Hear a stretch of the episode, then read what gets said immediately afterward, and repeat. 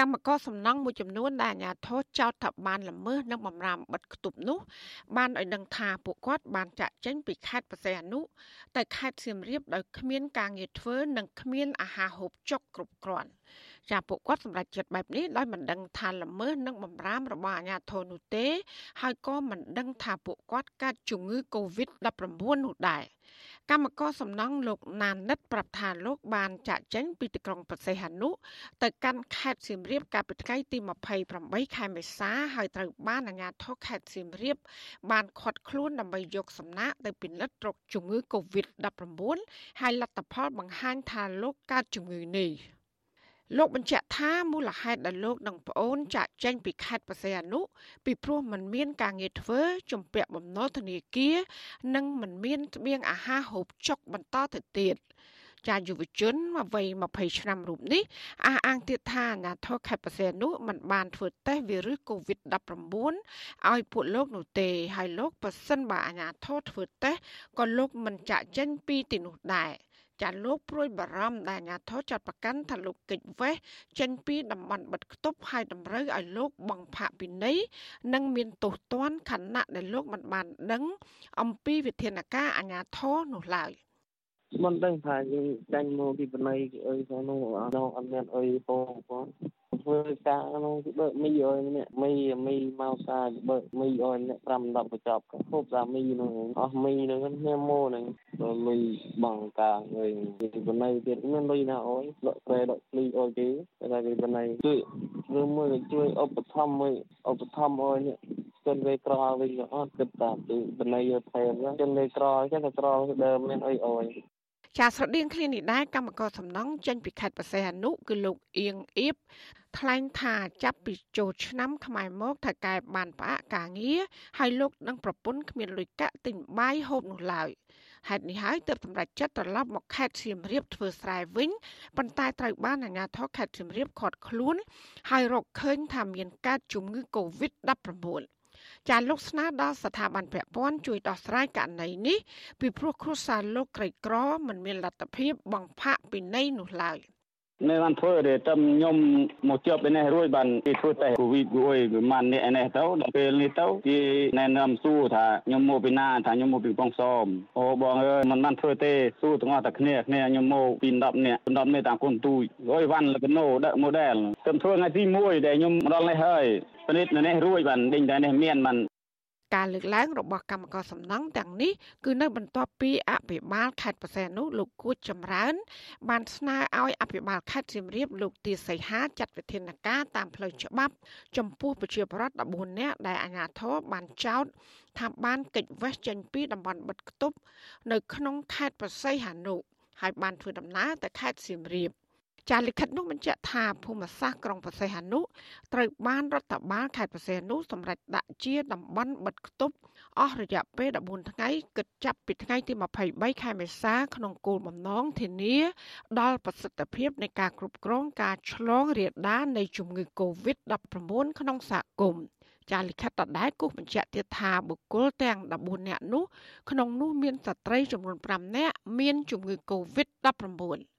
ចាអាញាធរខេត្តបរសៃនោះបានហៅការកិច្ចវេះនេះថាជាអំពើដែលចេតនាមិនគោរពវិធានការរដ្ឋបាល ដែលមានចែងក្នុងមាត្រា4និងមាត្រា10នៃច្បាប់ស្តីពីការទប់ស្កាត់ការឆ្លងរាលដាលនៃជំងឺ Covid-19 និងជំងឺឆ្លងកាចសាហាវដែលប្រកបដោយគ្រោះថ្នាក់ធ្ងន់ធ្ងរផ្សេងទៀត។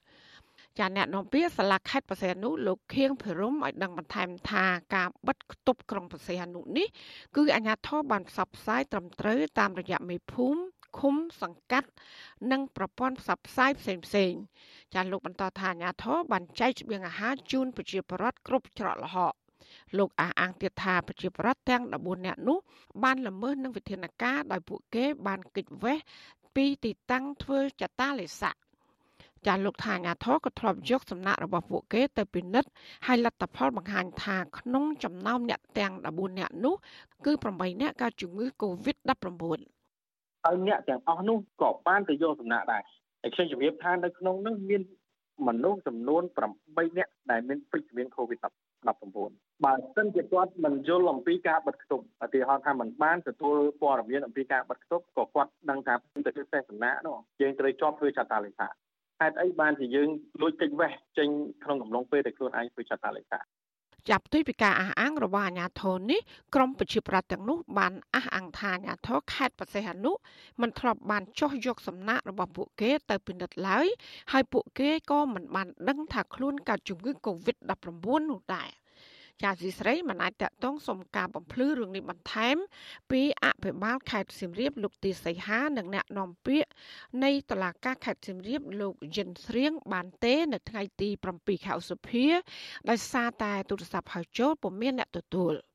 ជុំវិញរឿងនេះនាយករងទទួលបន្ទុកផ្នែកខ្លំមើលសិទ្ធិមនុស្សនៃអង្គការលីកាដូលោកអំសំអាតចោទជាសំណួរថាតើហេតុអ្វីបានជាប្រជាប្រដ្ឋ14នាក់នោះអាចចាក់ចេញពីក្រុងប្រសេះនោះបាន ពីព្រោះអាជ្ញាធរបានបិទគប់តំបន់នោះជាយូរមកហើយ។ ចាលោកក៏ទទូចឲ្យអាជ្ញាធរពិនិត្យនិងពិចារណាឲ្យបានត្រឹមត្រូវចំពោះករណីនេះជាពិសេសគឺទោសទណ្ឌណាមួយលើក្រមប្រជាពលរដ្ឋដោយសារតែពួកគាត់មានជីវភាពក្រីក្រ និងមិនបានដឹងច្បាស់អំពីវិធានការរបស់អាជ្ញាធរឃើញថាវាអាស្រ័យទៅលើសានភាពជាក់ស្ដែងនិងរឿងរ៉ាវដែលកើតឡើងពិតហើយពិនិត្យទៅលើសានភាពរបស់ពួកគាត់តើអាជ្ញាធរ ត្រូវអនុវត្តមួយគាត់នឹងកម្រិតណាបើសិនជាជីវភាពរបស់គាត់ក្រីក្រគាត់ជួបបញ្ហានៃការរស់នៅទៅទៀតណាហើយកន្លងមកក៏ខ្ញុំឃើញមានព័ត៌មានច្រើនដែរតាក់ទងនឹងការគាត់ខ្លួនអីទៅក៏អាជ្ញាធរខ្លះក៏មានការអនុគ្រោះដោយសារស្ថានភាពជាក់ស្ដែងដោយសារជីវភាពរស់នៅចាយងតាមច្បាប់គ្រប់គ្រងជំងឺ Covid-19 ប្រជាប្រដ្ឋដែលបំពេញបំរាមឬវិធានការរដ្ឋបាលក្នុងការបង្ការជំងឺ Covid-19 ជាពិសេស គឺការបំពេញបំរាមក្នុងការបិទគប់គឺត្រូវបង់ផាកពិន័យជាប្រាក់ចាប់ពី2លានរៀលដល់5លានរៀលនិងត្រូវជាប់ពន្ធនាគារថែមទៀតផងប្រសិនបើបាត់ល្មើសនោះជាការរារាំងដល់ការអនុវត្តកិច្ចការរបស់សមត្ថកិច្ចឬក៏នាំឲ្យចម្លងជំងឺ Covid-19 ដល់អ្នកដទៃ។ ទោះជាបែបនេះក្តីក្រុមអ្នកការពារសិទ្ធិមនុស្សរិះគន់ថាទោសទណ្ឌធ្ងន់បែបនេះគឺជារឿងមិនត្រឹមត្រូវឡើយពីព្រោះវាមិនសមស្រប ទៅតាមគោលការណ៍សិទ្ធិមនុស្សនិងសុខភាពសាធារណៈនៅក្នុងស្ថានភាពមួយដែលប្រជាពលរដ្ឋកំពុងរងគ្រោះធ្ងន់ធ្ងរដោយសារជំងឺឆ្លងជាសកល COVID-19 នេះចាននាងខ្ញុំហៃសុធានីអាស៊ីសេរីពីរដ្ឋធានី Washington